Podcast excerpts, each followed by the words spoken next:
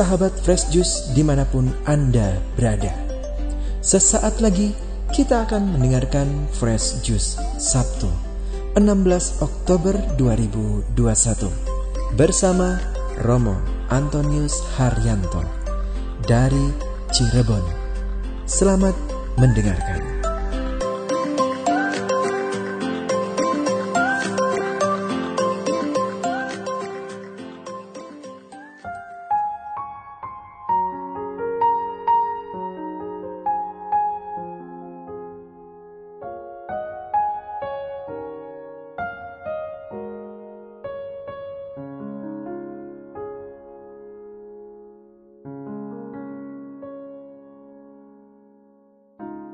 Bapak Ibu, saudara-saudari dan teman-teman muda yang terkasih, apa kabarnya? Semoga Anda baik adanya dan selalu mengasihi Tuhan dan tentunya semakin dekat dengan Tuhan. Pada hari ini Sabtu 16 Oktober 2021, permenungan kita diambil dari Injil Lukas bab 12 ayat 8 sampai 12. Aku berkata kepadamu, setiap orang yang mengakui aku di depan manusia, anak manusia juga akan mengakui dia di depan malaikat-malaikat Allah. Tetapi barang siapa menyangkal aku di depan manusia, ia akan disangkal di depan malaikat-malaikat Allah. Setiap orang yang mengatakan sesuatu melawan anak manusia, ia akan diampuni. Tetapi barang siapa menghujat roh kudus, ia tidak akan diampuni. Apabila orang menghadapkan kamu kepada majelis-majelis atau kepada pemerintah-pemerintah dan penguasa-penguasa, Janganlah kamu khawatir bagaimana dan apa yang harus kamu katakan untuk membela dirimu. Demikianlah sabda Tuhan. Terpujilah Kristus. Bapak Ibu, saudara-saudari yang terkasih, tahu lagu malaikat juga tahu yang jadi juaranya. Gara-gara kajian hari ini bicara soal salah satunya malaikat Aku berkata kepadamu, setiap orang yang mengakui aku di depan manusia, anak manusia juga akan mengakui dia di depan malaikat-malaikat Allah. Jadi konsisten ya. Kalau kita mengakui kehadiran Allah, kita tentunya juga mengakui dengan kehadiran malaikat sebagai ciptaan Allah sendiri. Pernyataan Yesus ini menegaskan pada kita semua siapakah manusia yang layak mendapatkan keselamatan Allah, yakni mereka yang mengakui anak manusia dalam hidupnya, mengakui Tuhan dan mengakui ciptaan-ciptaannya. Ada sebuah kisah cerita seorang anak kecil pada suatu hari seorang anak gadis kecil sedang memamerkan boneka-boneka koleksinya kepada omahnya, pada neneknya. Sang nenek, sang oma kemudian bertanya kepadanya, boneka mana yang paling kamu sukai? Sang cucu menjawab, aku akan jawab asalkan nenek berjanji tidak akan tertawa setelah tahu. Sang nenek mengangguk, setuju. Gadis kecil itu kemudian masuk ke kamarnya dan kembali dengan membawa bonekanya yang paling jelek, kucel, dan kemudian tampak tidak terawat seperti itu. Dia kemudian membawa kepada neneknya. Kenapa boneka ini yang paling kamu sukai? Tanya sang nenek penasaran. Gadis kecil itu menjawab karena dia yang paling membutuhkan cintaku dibandingkan boneka lainnya yang bagus-bagus itu. Anak kecil membuat keputusan Keputusan menjadi bagian penting dalam hidupnya karena ada hal penting yakni perhatian. Perhatian pada yang tak terperhatikan. Apakah Anda termasuk kategori yang perlu diperhatikan? Atau ada fokus yang memperhatikan ada fokus saat ini sedang memperhatikan seseorang. Kasihlah orang yang merasa kering dan jauh dari Tuhan.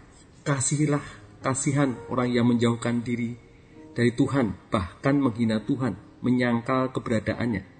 Sapaan perhatian dari diri kita tentunya sangat penting untuk mereka semua yang merasa jauh dari Tuhan.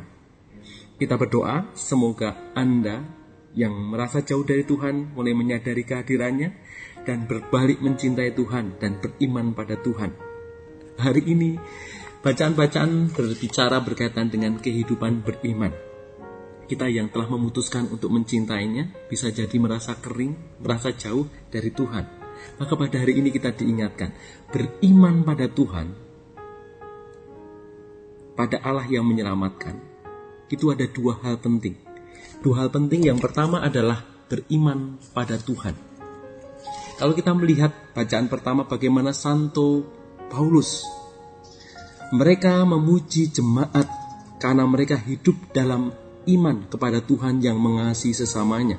Saudara-saudara, bukan karena hukum Taurat, Abraham dan keturunannya diberi janji bahwa mereka akan memiliki dunia, melainkan karena kebenaran atas dasar iman. Bahagia pertama-tama karena percaya dan beriman pada Allah. Hidup mereka diwarnai oleh rasa percaya yang mendalam dan kesadaran bahwa mereka adalah bagian dari Kristus. Kristus adalah kepala mereka dan mereka adalah badan tubuh dari Kristus itu sendiri. Mereka taat dipimpin oleh Kristus. Ketaatan inilah yang menjadi penting yang menaburkan kasih dalam hidup persekutuan. Maka kita perlu menyadari diri apakah kita menjadi orang-orang yang beriman pada dia. Kalau beriman pada dia, maka kita taat dan mengakui bahwa Tuhan adalah pimpinan the big boss kita semua. Kita ini tubuhnya dan ia adalah kepalanya yang akan mengarahkan hidup kita, yang menunjukkan jalan kebenaran pada kita semua. Maka pegangan pertama yang penting sebagai seorang yang beriman adalah percaya pada dia sebagai pimpinan, sebagai kepala kita. Dan yang kedua, kita sering kali mendengar dan penegasan bagaimana iman tanpa perbuatan itu kosong. Nasi tanpa sayuran dan lauk itu rasanya hambar.